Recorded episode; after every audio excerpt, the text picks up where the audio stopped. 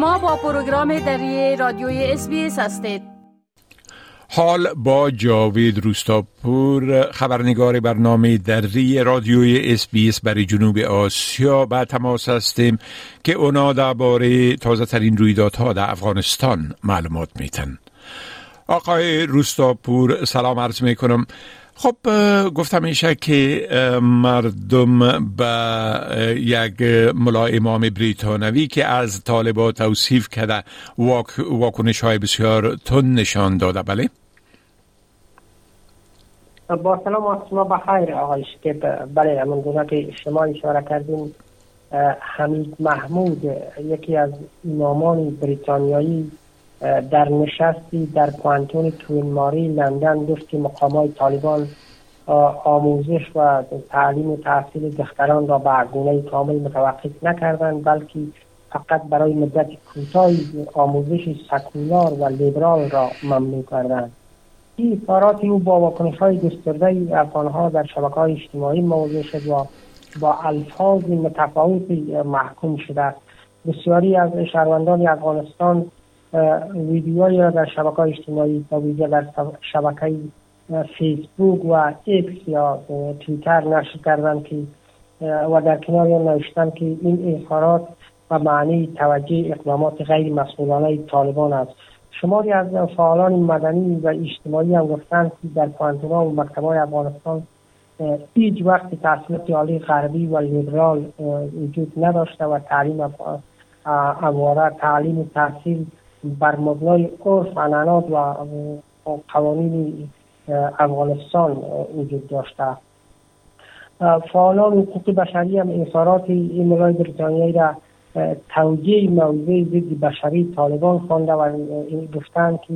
این عالمان دینی به که طالبان را برای باز کردن دروازه های مکتب ها و پانتون ها متقاعد کنند از سیاست های آنها دفاع می‌کنند. پس از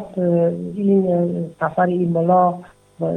بریتانیایی به کابل برخی از فعالان زن افغان هم چند پیش نامه ای را در فضای مجازی منتشر کردن و از افغان خواسته بودند که این نامه را امضا کنند که در این نامه تاکنون نزدیک به 1244 نفر امضا کردن و ادعا شده که از علمای بریتانیایی که بیشتر آنها هندی پاکستانی و عربی هستند تلاش می‌کنند که اقدامات ظالمانه طالبان را توجیه کنند. قابل یادآوری است که پس از سفر شماری از ملاهای بریتانیایی به افغانستان در آخر ماه جولای عیتی از سازمان همکاری های کشورهای اسلامی به کابل رفتند آمده بودند و اینا در دیدار با مقامات طالبان تاکیدشان این بود که دروازه های مکاتب و پانتونا برای دخترها باید بازگشایی شود. بله. خب بعضی از مؤسسات امدادی فعالیت های خود به خاطر باجگیری از جانب طالبا یا ادعای باجگیری از طرف طالبا در یکی از ولایت های افغانستان قطع کرده. بله؟ منابع معلی در ولایت دایکنگی گفتن که فعالیت های دست کم 15 مؤسسه مدرسان در این ولایت به دلیل باجگیری و افشارهای مسئولان محلی طالبان متوقف شده. این منابع به رسانه های محلی افغانستان گفتند که والی طالبا امیرزای عبید و همچنان قماندان امنیه طالبا محمد اقبال گفتند که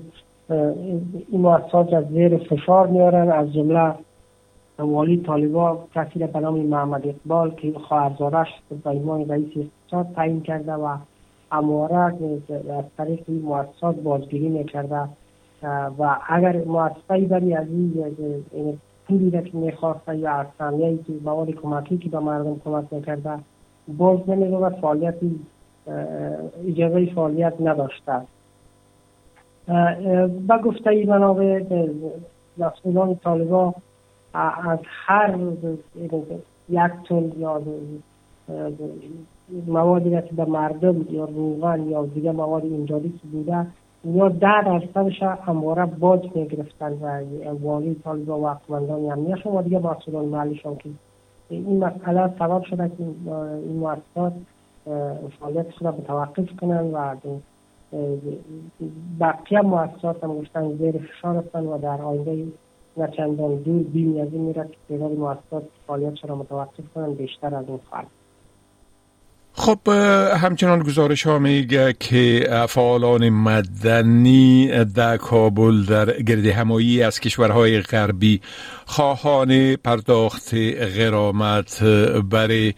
کسایی که در جنگ های چند ساله آسیب دیدن شدن. اگر در این باره یک مقدار توضیحات بتین لطفاً.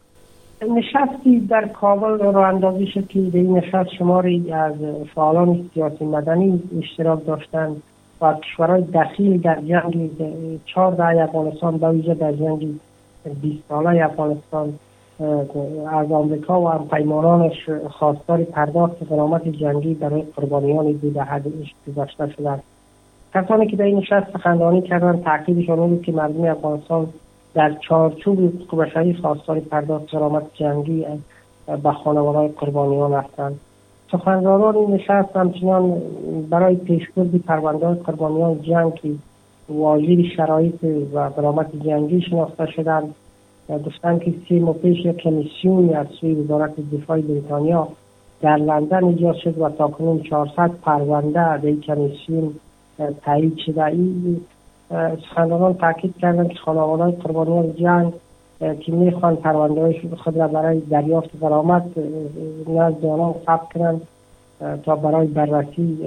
پرونده را به کمیسیون بفرستند اما این نشست انتقادایی هم داشت پس از که اخبارش یا خبرش در شبکه اجتماعی نشر شد. بسیاری از آگاهان و فعالان شبکه اجتماعی تاکیدشان می که خب اگر قرار باشد که برای کسایی که در جنگ 20 ساله متضرر شدن و یا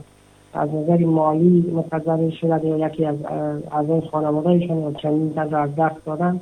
بیشترین تلفات و خسارات مالی را گروه طالبا با مردم وارد کردن چون در هر حمله طالبا دهها غیر نظامی کشته می‌شد و خسارات انگشت مالی به مردم وارد می‌شد. بنابراین نخست باید طالبان به قربانیان جنگ غرامت بپردازن و بعد از این کشورهای داخل در جنگ 20 ساله. خب بسیار تشکر آقای روستاپور از این معلوماتتان و فعلا شما را به خدا می سپارم و روز خوش برتان آرزو می کنم وقت شما هم خوش خدا حافظ ناصرتان. می خواهید این گونه گزارش ها را بیشتر بشنوید؟ به این گزارشات از طریق Apple Podcasts، Google Podcasts، Spotify و یا هر جایی که پادکاستتان را می گیرید گوش دهید.